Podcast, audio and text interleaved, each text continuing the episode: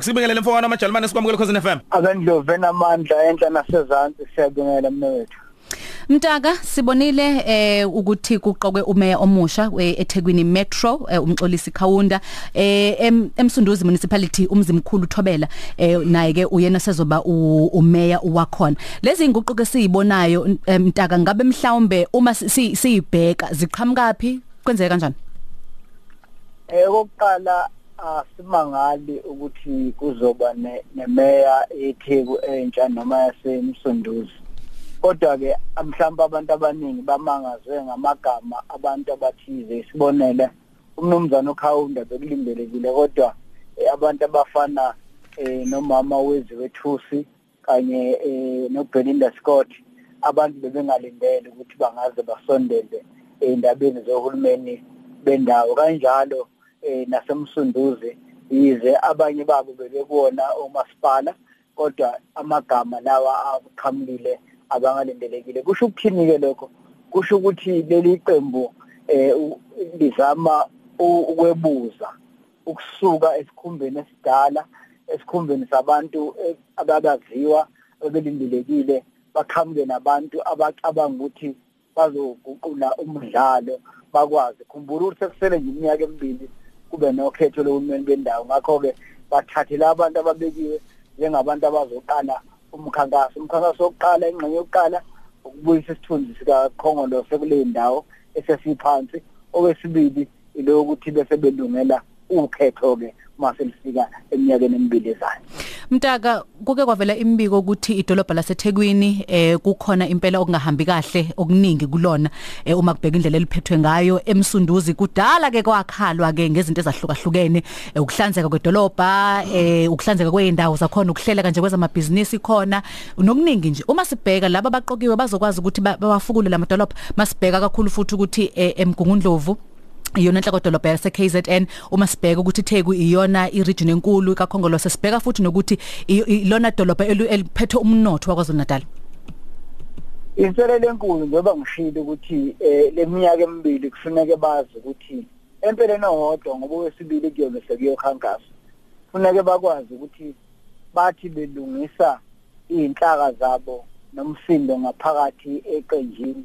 Kodwa babe bakhumbula namavoti. Khumbula lokhu kwathi inhlo alikho iqembu elinqoba ukhetho ngamalungu alo ngamafuphi laba abaqokiwe kufanele bangaphithi isikhathi esiningi eh kumalungu kakhongolose ngoba aku ngisha ngavota wonke ngesikhathi esisodwa ngeke enze eh isibalo esikhulu sabavoti. Abavoti benziwa abantu abangewona eh, amalungu ngithi nje ibalo eziphezulu benziwa abantu abangewona amalungu. Ngakho eh kulonyaka nje kuzolindele ukuthi bakwazi ukulungela leso simo. Kodwa ngicabanga ukuthi kakhulukazi eThekwini eh bazamile eh yize kuzoqhamuka inkulumo isibonelo ngami kulolu hlelo ngibuza ukuthi ngabe ukhongolosi ulindele ukuphathwa yiNdiya?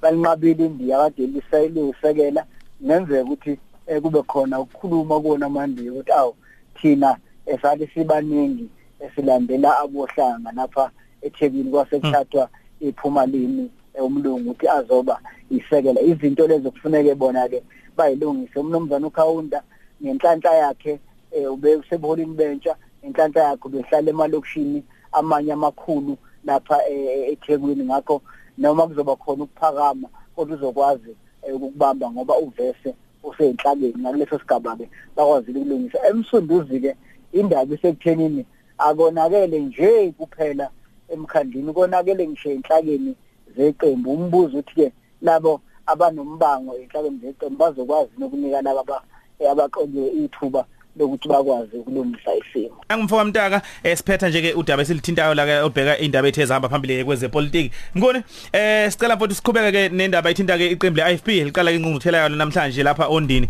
eh njengoba ke kubheke ukuthi umntwana waphinda ngene abeke phansi izintambo zokuhola iqembu. Lolu daba lifuneka umuntu alihlaziye igaba ezimbili.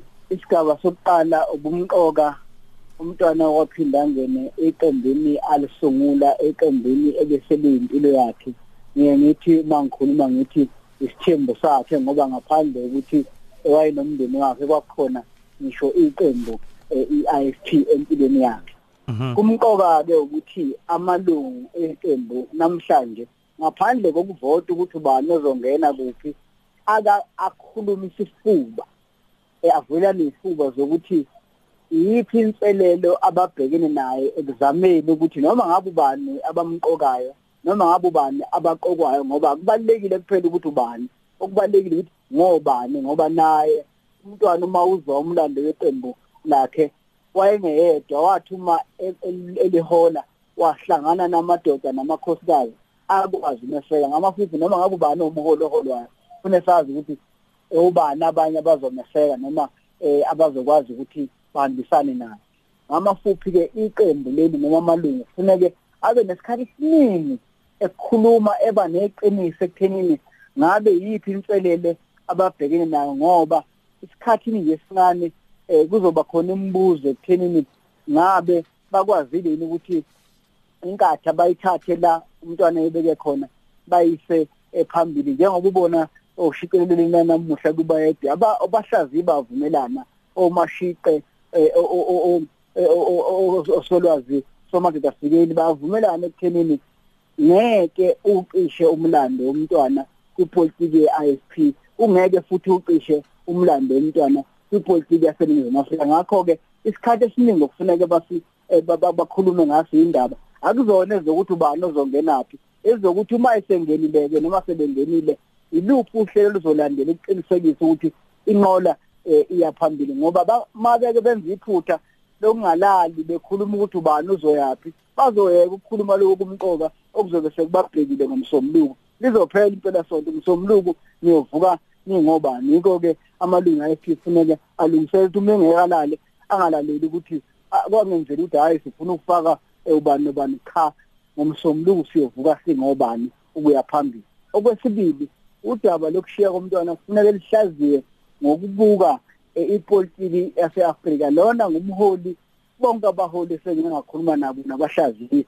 abavumelanayo ukuthi iningizimu Afrika ngenzeka ukuthi yalahla ithuba lokumsebenzisa eindabeni ezithinta eAfrika ngoba eAfrika nje usengomunye mhlawumbe babili bathathu eh abalandela umnomzane uKhawunda wase eZambia abanesithunzi abahlonishwayo hlangothi zonke. Ukuhlonishwa kwepolitiki akusho ukuthi abantu abaphikisani nawe noma bakuthanda bonke. Kusho ukuthi noma bephikisana nawe kodwa balihlonipha igama lakho bakuhlonipha nokushoyo. Ngenzeka ukuthi iningizimu Afrika igwaze ngowawo ngokuthi ingamniki umntwana ithuba noma imisebenzi ukuthi ayolekelela endabeni ezinye eseyiqala ukusivukela ngoba konakele eAfrika ebuholeni bakhona ngoba asikhanga sisanethuba njengeningizimu Afrika sathumela ingqwele enjengaye nabanye abakwamanye amaqembu nakonye imikhakha ukuthi bayothunga izwekwazi lethu. Iyona into engicabanga ukuthi uma engayeka eqenjini njengoba kulindelekile mhlawumbe masisekhona uthando namandla kuye bebaxoxe naye ukuthi bangakwazi ukuthi bamsebenzise. Kunabantu eAfrika athi uma seqhamukile bayeke ubulwa bayeke ukuxabana. Nakhona lapha endabeni zobukhosi ngaba silikhuluma iqiniso uma singeke sisho ukuthi kuningi angakwenza. Ngamafuphi kungenzeka ukuthi ukubeka ihlangu ku-ISP ungasho ukuzuza kwiAfrika nokuzuza ebukhosini bejikelele Ngoni sibonga kakhulu mfowethu sikufisela usuku oluhle siukhoze FM Siyabonga. Ngoti ke kwezepolitiki lo hlale sinaye ke masibheka nje indaba ethe zasematheni ithinta ipolitiki unhlanhla umfoka mtaka. Ngamlandela ke lapha ku Twitter @inhlanhla mtaka kanjalo ke na ku Facebook bayede news. Ubheke nje ezinye zeindaba ke abayikhulumayo ke begxila kuzona ke indaba ethinta ukubuswa kwezwe.